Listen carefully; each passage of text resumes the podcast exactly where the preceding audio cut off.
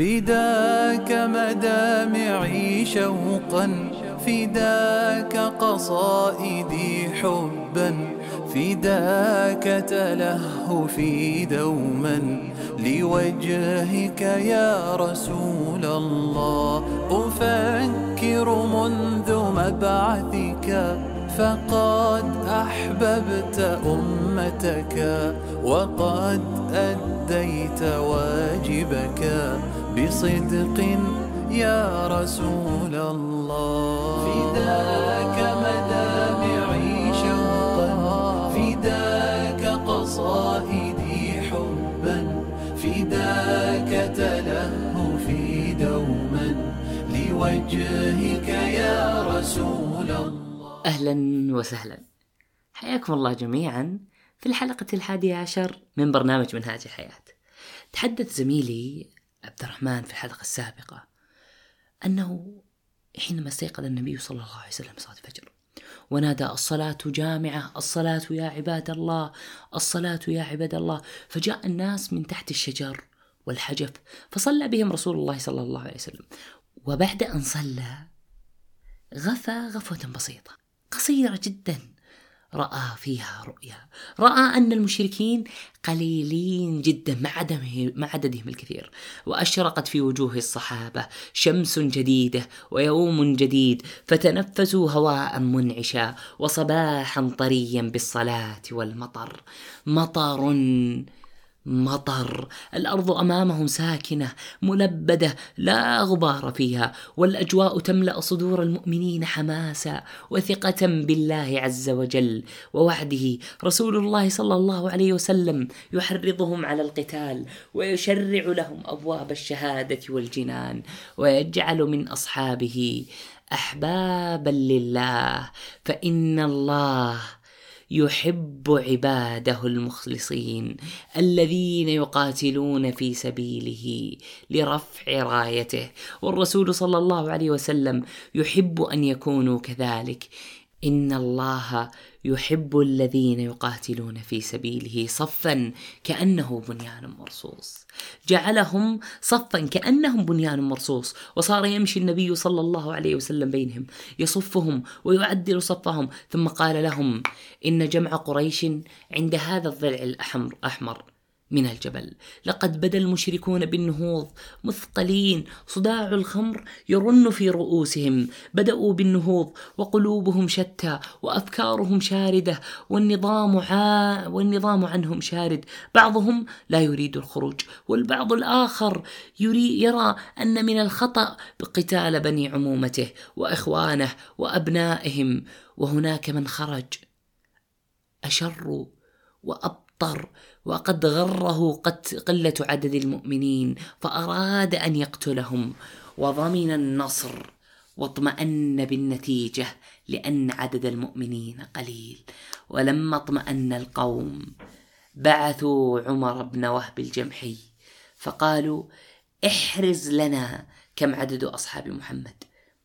فاستجال حول المعسكر ثم رجع لهم فقال عددهم ثلاثمائة رجل.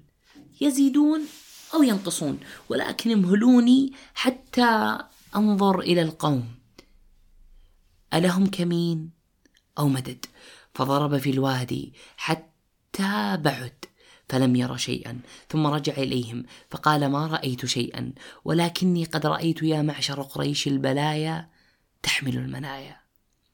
نواضح يثرب تحمل الموت الناقع. قوم ليس له منعة إلا سيوفهم. والله ما أرى أن يقتل رجل منهم حتى يقتل رجل منكم. فإذا أصابوا منكم أعدادهم فما خير العيش بعد ذلك. فروا فروا بأيديكم وهذا الرأي. سكت الجميع وهم يستمعون إلى هذا الوصف المرعب. وتسلل من بين هذا الحشد الصامت رجل حكيم واسمه حكيم حكيم بن حزام. تأثر بكلام عمر بن وهب الجمحي وأحس بشيء خطر تحمله نواضح يثرب. فلما سمع حكيم بن حزام ذلك الكلام مشى في الناس فأتى عتبة بن ربيعة. قال يا أبا الوليد إنك كبير قريش وسيدها المطاع هل لك أن تذهب بشرف هذا اليوم ما بقيت؟ فقال عتبة وما ذلك يا حكيم؟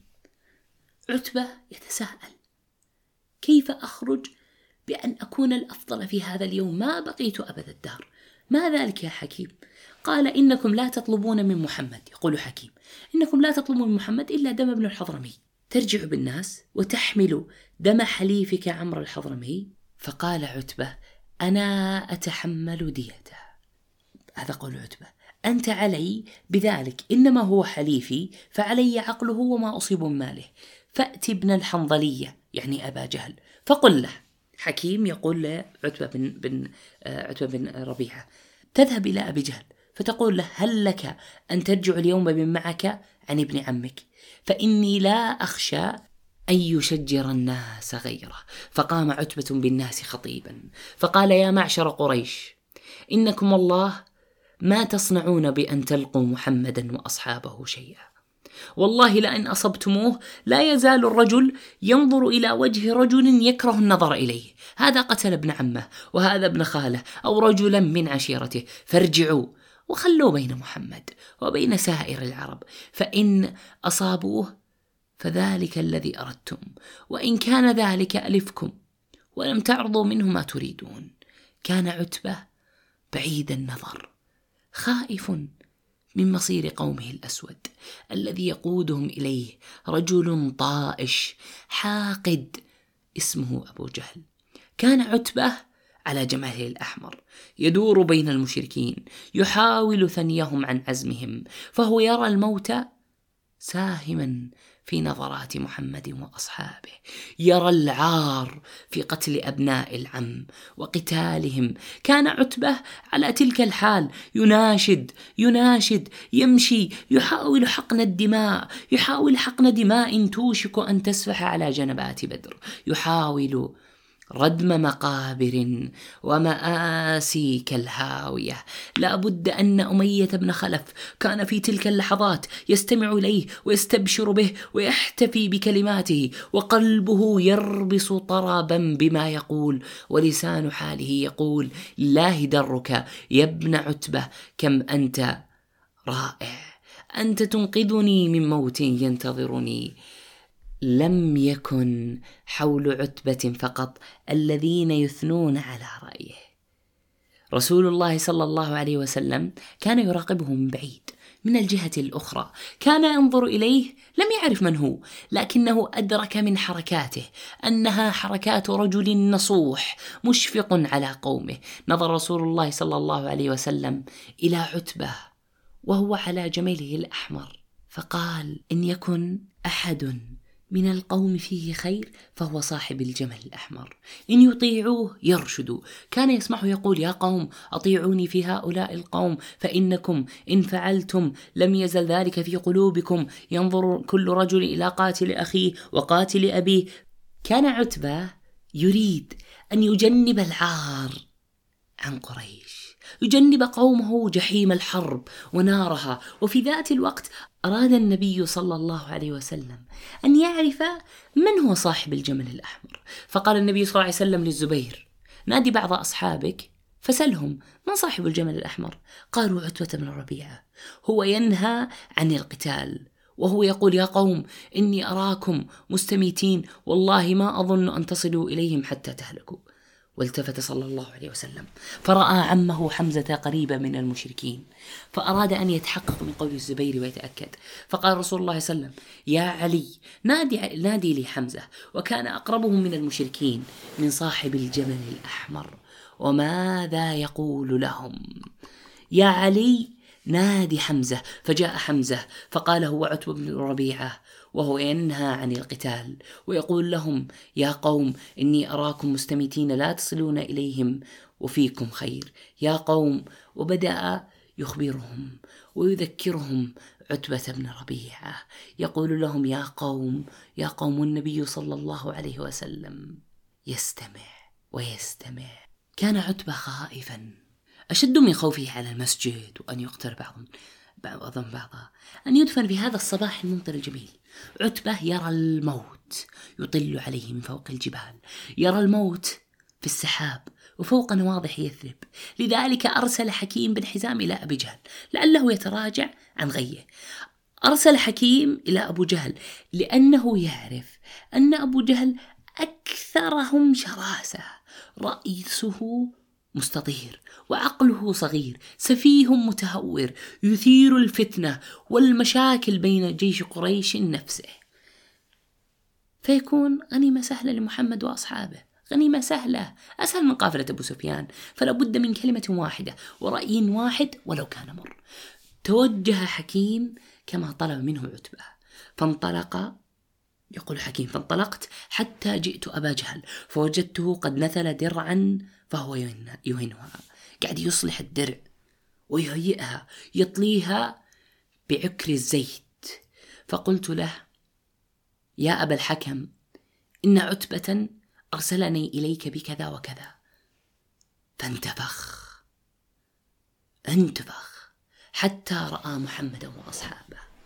فوالله يقول أبو جهل فوالله لا نرجع. حتى يحكم الله بيننا وبين محمد. وما بعتبة ما قال ولكنه رأى محمدا وأصحابه أكلة جزور وفيهم ابنه قد تخوف عليه. ابن عتبة كان بين جيش النبي صلى الله عليه وسلم. فما قال هذا الكلام إلا لأنه خائف على عتبة على ابنه. كان أبو جهل يستخدم العواطف يثيرها يفجرها فتنة يفجرها ثارات وسيوف. ها هو يقلب الحقائق يجعل رأي عتبة العاقل جبنا يجعل خوفه على ابنه الذي بين صفوف المؤمنين. هذا يبرر رأيه بأن رأيه ساقط. يرى أن محمدا صلى الله عليه وسلم وأصحابه لا يأخذون من المشركين جهدا أكثر من جهدهم في تناول وجبة من الطعام. قد طبخ فيها جملا من الجمال. إنه يرى من المسلمين جزورا شهيا. قد قدم على مائدة بدر وقد حان موعد تناوله. وابن عتبة لقمة في هذه الوجبة. وقد خشي عتبة على ابنه من أفواه قريش المشركين. انتفخ سحره. انتفخ حينما رأى محمدا وأصحابه. إنما محمد وأصحابه كأكلة الزور لو قد التقينا. هذا كلام أبو جهل. أبو جهل يرى أن محمد وأصحابه لقمة أكل جزور. ها هو يفقد أمية بن خلف آخر آماله في الحياة. فلقد تحرك ابن الحنظلية مفتشا عن إثارة أكثر من هذه القلوب أكثر من هذه القلوب السوداء مفتشا عن جمر يلقيه في تلك النفوس كي تحترق للثأر. فبعث, فبعث إلى عامر ابن الحضرمي فقال هذا حليفك يريد أن يرجع الناس وقد رأيت أن ثأرك بعينك فقم فانشد خفرتك ومقتل أخيك فقام عمرو بن. عامر بن الحضرمي فقال وعمراه وعمراه وعمراه فحميت الحرب وحقب أمر الناس واستوثقوا على أمرهم وما هم عليه من الشر وأفسدوا على الناس الرأي الذي دعاهم إليه عتبة فلما بلغ عتبة قول أبي جهل انتفخ انتفخ والله سحره وقال سيعلم مصفر استهوا من انتفخ سحره. أنا أم هم؟ لم يكتف أبو جهل ببلوغ صرخة إلى عتبة. لقد توجه الطاغوت أبو جهل إلى عتبة بن ربيعة لاستفزازه. توجه ليحوله من نقطة ضعف وسكينة إلى بركان تتفجر منه المعركة حالا. توجه له صارخا بوجهه. أأنت تقول ذلك؟ والله لو غيرك يقوله لعضضته قد ملأت رئتك وجوفك رعبا. قد ملأت رئتك وجوفك رعبا من محمد وأصحابه فثار عتبة وانفجر في وجه أبي جهل قائلا إياي تعيري تعيرني يا مصفرا استه إياي تعيرني ستعلم اليوم أينا الجبان. ثم نهض عتبة يريد القتال. لقد نجح أبو جهل بتحريضه لغضب عتبة فأوصله إلى حالة شديدة من التوتر. أفلح الطواغيت في إثارة حمية أخيه وابنه فبرز عتبة وأخوه شيبة وابنه الوليد حمية يريدون الحرب. نعم يريدون الحرب سمع المسلمون ذلك الضجيج فتزينوا للجنة وتوجهوا إلى النبي صلى الله عليه وسلم. وتوجه النبي إلى جبار السماوات يناشده برحمة ونصر. يدعوه يدعوه نصرا مؤسرا. فنظر إليه الصديق فرق لحاله وأشفق عليه ثم تحرك نحوه بكل رفق والتف حوله وضمه ضمة لا يجرؤ عليها. لا يجرؤ على مثل هذه الضمة إلا أبو بكر. مشاعر أبو بكر لا يعبر عنها إلا أبو بكر. فكم أبكى ذلك المشهد من الصحابة عندما نظروا إلى رسول الله صلى الله عليه وسلم. ونظر صلى الله عليه وسلم اليهم فوجدهم ثلاثمائة ونيفة ونظر إلى المشركين فإذا هم ألف وزيادة. فاستقبل النبي صلى الله عليه وسلم القبلة فجلس يدعو يدعو يدعو يدعو إليهم. ويقول اللهم انجز لي ما وعدتني. اللهم انجز لي ما وعدت لي بين جيش المسلمين. ذلك الغلام الذي يدعى حارثة ابن سراقة وهو أنصاري من بني عبد النجار. وقد أدرك صلى الله عليه وسلم أن هذه القلة من المؤمنين تحتاج إلى شعار يرفع ويعرف بعضهم بعضا فيه إذا حمي الوطيس والتحمت السيوف بين الأعناق والرؤوس. فكان الصوف الأبيض شعارا للمسلمين. كان الصوف الأبيض شعارا للمسلمين. قال علي رضي الله عنها كان سيما أصحاب محمد صلى الله عليه وسلم يوم بدر. الصوف الأبيض الصوف الأبيض شعار لمحمد صلى الله عليه وسلم. وها هو النعاس يغشى المؤمنين مرة أخرى. لقد ألقى الله النعاس على المؤمنين أمنا منه وسلاما وثقة بنصر الله وبث في نفوسهم شيئا يجعلهم يتحفزون للقتال. لقد شجع الله المسلمين على لقاء عدوهم وقللهم في أعينهم حتى طمعوا فيهم. كان الصحابة مزيجا من التحفز والنعاس الغريب وكان الوحي يتنزل على الملائكة أن يهبطوا إلى أرض المعركة لتثبيت المؤمنين حيث يقول سبحانه وتعالى إذ يوحي ربك إلى الملائكة أني معكم. فثبتوا الذين آمنوا سألقي في قلوب الذين كفروا الرعب.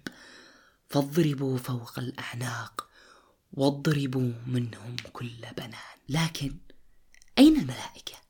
بل أين رسول الله في هذه اللحظات الحرجة؟ لقد بدأت أصوات المشركين بالارتفاع والشجار أين النبي صلى الله عليه وسلم؟ أين النبي صلى الله عليه وسلم في هذا الوقت؟ رسول الله ليس في الصفوف وليس مع المناظرين وليس عند الحوض أين رسول الله؟ لقد ذهب قبل قليل إلى العريش. وتبعه أبو بكر. إنه الآن داخل العريش وهو يحاني حالة النعاس ورأسه يخفق رأسه يخفق. لقد أخفق من نعاسه وخرج والبشرى تحمله ويحملها. إنه يبشر أصحابه وصاحبه أبا بكر بشيء مفرح. يقول أحد الصحابة هبط جبريل معتبا. ما لون عمامته وهو يهبط لوحده. سنعرف بعد قليل فرسول الله صلى الله عليه وسلم يتجه مبشرا أصحابه بما حدث محرضا شجاعتهم للتضحية. ها هو؟ يحفزهم أن يضحون بأرواحهم في سبيل الله. إنه يحدثهم ويوقظ فرحتهم بالجنة والشهادة. لقد خرج صلى الله عليه وسلم إلى الناس فحرضهم وعندما يحرض صلى الله عليه وسلم لا يقول إلا حقا تحرك الجميع.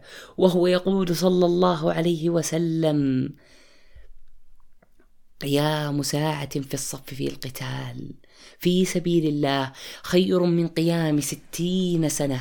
والشهداء الذين يقتلون في سبيل الله في الصف الأول ولا تلتفت وجوههم حتى يقتلون فأولئك يلقون في الغرف الأعلى من الجنة.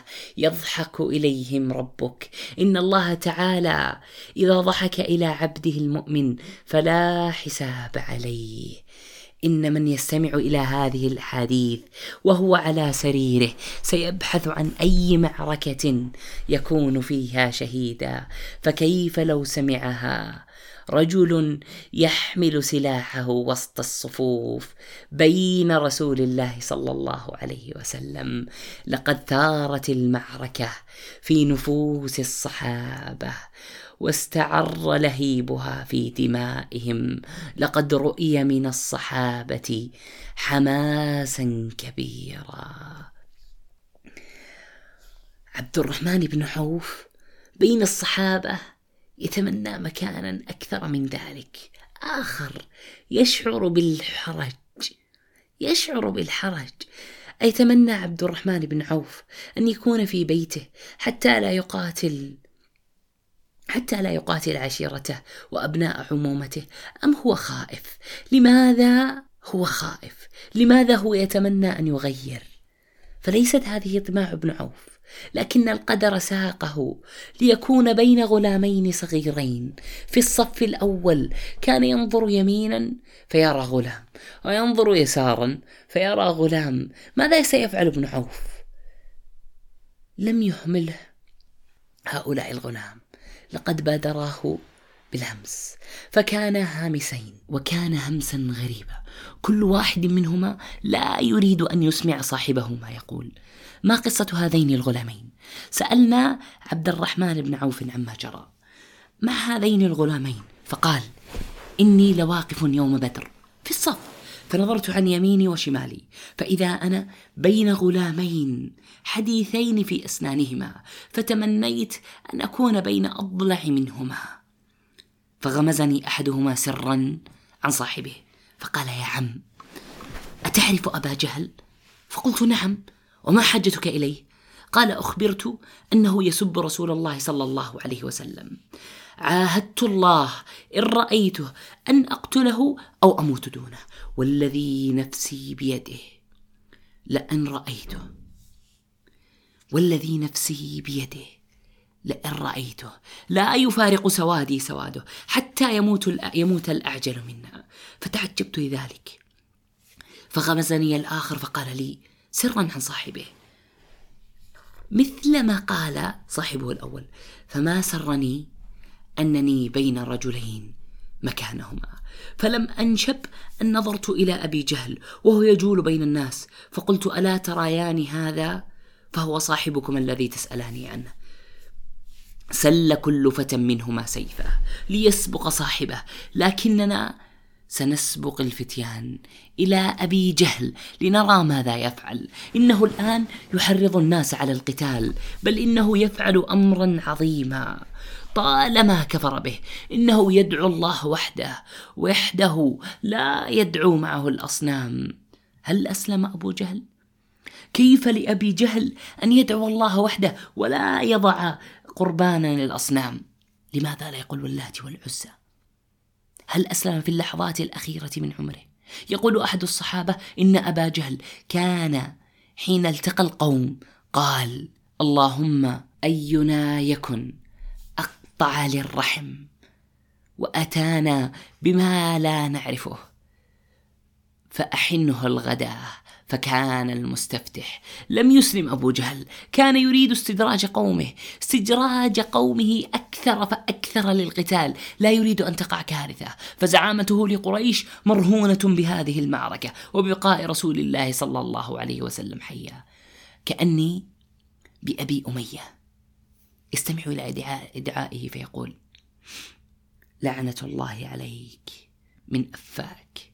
لعنة الله عليك من أفاك. وقد أنزل الله على نبيه آيات تبشر أبا جهل بما أراد. فقال سبحانه إن تستفتحوا فقد جاءكم الفتح وإن تنتهوا فهو خير لكم وإن تعودوا نعد ولن تغني عنكم فئتكم شيئا ولو كثرت وأن الله مع المؤمنين. الله مع المؤمنين. الله يبشرهم أنه معهم وأبو جهل ليس معهم وليس منهم. إنه يحاول أن يكرس وهما في نفوس أتباعه بأنه على حق. لم يكتفي أبو جهل بالاستفتاح والاستنصار من الله. لقد هرع إلى عتبة بن ربيعة ليسخر منه أمام الجميع ليجعل منه إضحوكة وعبرة لمن يفكر بالتراجع الحرب. مجرد تفكير وقف أبو جهل أمام عتبة. فقال أنت تقول ذلك. والله لو غيرك يقول لاعظظته قد ملأت رئتك وجوفك رعبا وخوفا من محمد وأصحابه. غضب عتبة من تلك الكلمات وقد ذكرناها سابقا. فخارج عتبة وهي يقول: ستعلم من الجبان المفسد لقومه.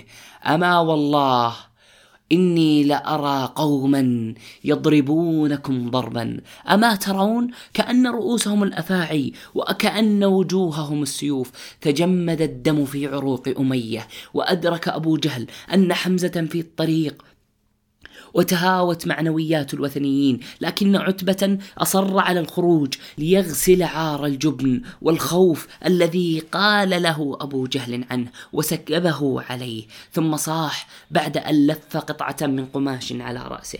ثم صاح يا شيبة بن ربيعة يا وليد بن عتبة لقد دعا أخاه وابنه فخرج بينهما يمشي فقال من يبارز؟ فخرج فتية من الأنصار خرج عتبة يقول من يبارز؟ فخرج عتبة من الأنصار ثلاثة نفر عوف ومعاذ بن الحارث وأمهما عفراء ورجل آخر يقال له عبد الله بن رواحة فقال من أنتم؟ قالوا رهط من الأنصار. فقال ما لنا بكم حاجة. ثم ما نادى مناديهم يا محمد أخرج لنا أكفاءنا من قومنا. يا محمد أخرج لنا أكفاءنا من قومنا. وقال عتبة لا نريد هؤلاء. الأنصار. ولكن نبارز من بني عمنا من بني عبد المطلب. فقال رسول الله صلى الله عليه وسلم قم يا حمزة قم يا علي قم يا عبيدة. ثلاثة من بني عبد المطلب. كأن وجوههم السيوف. ثلاثة أقبلوا كأنهم الموت. فكان عتبة الضحية لحمزة. كان عتبة الضحية لحمزة هذا اليوم. وهوت حكمته وشجاعته وشركه وعناده على أرض بدر وهوى أخوه شيبة جثة هامدة تحت أقدام علي رضي الله عنه. لم يستغرق وقتا طويلا. لم يستغرق هؤلاء الاثنين وقتا طويلا أمام هذين الفارسين من بني عبد المطلب. لكن ماذا حدث لعبيدة رضي الله عنه؟ عبيده بن الحارث ماذا حدث له؟ علي يقص علينا. ما حدث؟ فيقول أقبل حمزة إلى عتبة وأقبلت أنا إلى شيبة واختلف بين العبيدة والوليد ضربتان فأثخن كل واحد منهما ضربة في صاحبه ثم ملنا على الوليد فقتلناه واحتملنا عبيدة. ابتهج رسول الله صلى الله عليه وسلم بفرسانه. وفرح بانتصارهم. وتحمس المؤمنون جميعا لعناق لعناق الموت. فرائحة الشهادة تعطر أجواء بدر وتؤجج حماسهم عندما ازدادت زخات المدد من السماء فبشر بها صلى الله عليه وسلم وأصحابه. وقال فيهم الله عز وجل إذ تقول للمؤمنين ألن يكفيكم أن يمدكم ربكم بثلاثة آلاف من الملائكة منزلين؟ وكانوا خير مدد وكانوا خير الملائكة. هذا كبيرهم جبريل عليه السلام يصفهم بنفسه. فقد سأل جبريل النبي صلى الله عليه وسلم كيف أهل بدر فيكم؟ فقال صلى الله عليه وسلم خيرنا. قال وكذلك من شهد بدرا من الملائكة هم خير الملائكة. أما كبار الملائكة ميكائيل وإسرافيل فقد كان نزولهم تكريما لأبي بكر. لأبي بكر الصديق ولعلي بن أبي طالب رضي الله عنهم. فلقد قيل لأبي بكر وعلي يوم بدر إن مع أحدكما جبريل ومع الآخر ميكائيل وإسرافيل ملك عظيم. يشهد القتال أو يقف في الصف ولا يقاتل.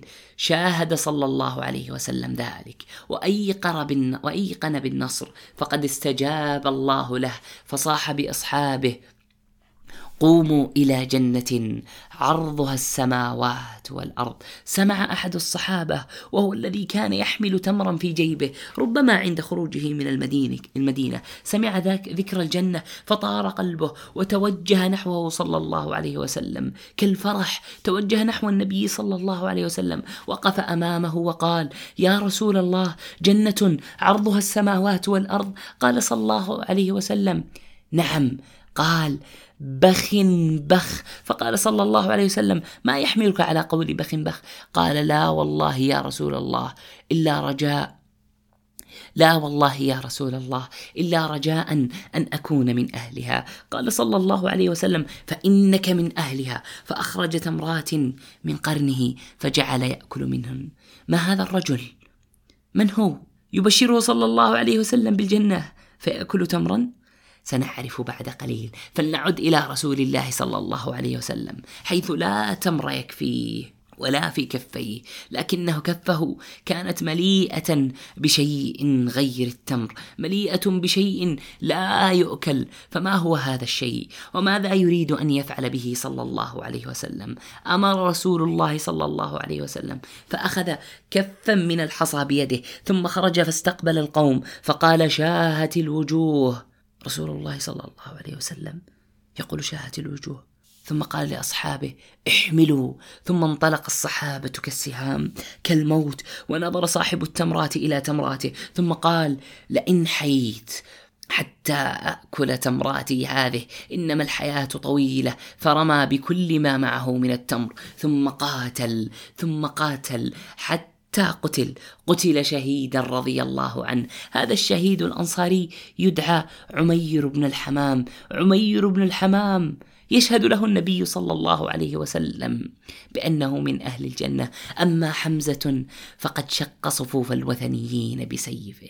يتساقط أمام يتساقطون أمامه واحدا واحد. أحد الجبناء أمية بن خلف كان ينظر إليه ينتفض منه. وينتفض السيف في يده وتنتفض الريشة التي زين به حم زين بها حمزة صدره أمية بن خلف. كان يرتعد خوفا ويقول لمن حوله ذلك الذي فعل بنا الأفاعيل. ذلك الذي فعل بنا الأفاعيل. وهو لم يحدد ذلك الشخص بعد. لم يعرف أنه حمزة بعد. وكان أحد ضحايا حمزة. رجل من مشاهير قريش اسمه طعيمة بن عدي وهو أخ للمطعم بن عدي ومن مكان آخر. عبد الرحمن بن عوف ومعه الشابان وانطلقوا من حوله يتسابقون نحو رأس أبي جهل. لكن كيف؟ كيف؟ والمشركون كالشجرة الملتفة حول أبي جهل. يحمونه من سيوف المهاجرين والأنصار. أي سيف سيشق طريقه نحو أبي جهل؟ أي سيف سيجز ذلك الشجر الوثني الملتف نحو أبي جهل وحول أبي جهل؟ الذي صنعوا الأحداث الذين صنعوا الأحداث. يتحدثون. عبد الرحمن بن عوف يقول للغلامين يقول للغلامين وسط الموت والسيوف نظرت إلى أبي جهل وهو يجول في الناس فقلت ألا تريان هذا صاحبكم الذي تسألان عنه. فأشرت إليهما فشدا عليه وانطلقا مثل الصقرين فابتدراه بسيفيهما فضرباه حتى قتلاه ثم انصرفا إلى النبي صلى الله عليه وسلم فرحان كل واحد منهما يقول قتلناه قتلناه. فأخ فأخبراه فقال أيكما قتله؟ النبي صلى الله عليه وسلم يستفهم منهم. قال كل منهما أنا قتلته. أنا قتلته يا رسول الله. قال صلى الله عليه وسلم هل مسحتما سيفكما؟ هل مسحتما سيفكما بعدما بعد أن ضربتما رأسه فخرج دمه عليكما؟ فقال لا فنظر النبي صلى الله عليه وسلم إلى سيفهما فقال كلاهما قتله. وقضى بسلبه لمعاذ بن عمرو بن الجموح والآخر معاذ بن عفراء. هذا ما حدث باختصار. وأما بالتفصيل فعند من خاض سيفه في تفاصيل أبي جهل. التفاصيل عند معاذ بن عمرو بن الجموح فبعد أن أشار عبد الرحمن بن عوف بيده إلى أبي جهل قال معاذ سمعت القوم وأبو جهل في مثل الحرجة. الحرجه الشجر الملتف وهو يقول أبو الحكم لا يخلص إليه فلما سمعتها جعلته من شأني فصمت نحوه فلما أمكنني حملت عليه فضربته ضم ضربة أطنت قدمه بنصف ساقه أطنت أطارت نصف ساقه فوالله ما شبهتها حين طاحت إلا بالنواة حينما تطيح مرضخة النوى حين يضرب بها. ضربني ابنه عكرمة عكرمة ضربني على عاتقي فطرح يدي فتعلقت بجلدة من جنبي وأجهضني أي حال بيني وبينه وأجهضني القتال عنه فلقد قاتلت عامة يومي وإني لأسحبها من خلفي. فلما آذتني وضعت عليها قدمي ثم تمط ثم تمطيت بها عليها. ثم مر بأبي جهل عقير معوذ بن عفراء فضربه به حتى أثبته وتركه وبه رمق تركه يشق آخر أنفاسه تدوسه الأقدام تركه تدوسه الأقدام تسوس سعامته ويكسوه التراب الذي طالما نثره في وجوه الضعفاء والمساكين هوى الطاغوت الشرس الذي قضى أكثر من عشر سنين في محاربة الله ورسوله ورسوله صلى الله عليه وسلم. في اضطهاد الفقراء وقتل العجائز والمسنين من المؤمنين هوى هذا الكافر على يد شابين صغيرين اقتحما ثأرا لله ورسوله وللمؤمنين وخيم الموت على أبي جهل والتهمت الصحراء ساقه خيمة من الموت الذي ضربها الأنصاريان عليه فلم يبقى منه سوى عينين زائغتين تضعفان كلما سقط طاغوت آخر. ها هو الطاغوت الآخر. عقبة بن أبي معيط. يهوي إلى الأرض. سقط سيفه وسقط شركه. لكنه لم يمت. ما زال حيا. إنه يرسف في قيوده وأحد فرسان الإسلام يقتاده كذيل وديع. وهذا هو طاغوت ثالث يرتطم بالأرض يرتج عند قدميه وعند ارتطامه. إنه أمية بن خلف وشحمه الذي يلف جسده يتموج من الرعب وبالقرب منه يسقط علي ويرتجف من الخوف. علي؟ علي خائف جدا فسيفه ليس بيده وهو يخشى طعنة من هنا أو هناك أن تدوسه الأقدام والحوافر. فما الذي أصاب عليا وما الذي أسقطه؟ وكيف يرتجف علي من الخوف؟ علي خائف أما وكيف؟ فلا بد أن أحد فرسان الإسلام. أما وكيف؟ ولماذا؟ لماذا أسقط ذلك الفارس عليا عن ظهر دابته؟ فالسبب بسيط وسنعرفه بإذن الله في الحلقة القادمة من منهاج حياة. لسيرة النبي المختار مع زميلي عبد الرحمن في الحلقة القادمة. إلى ذلك الحين نلقاكم بود وفي أمان الله.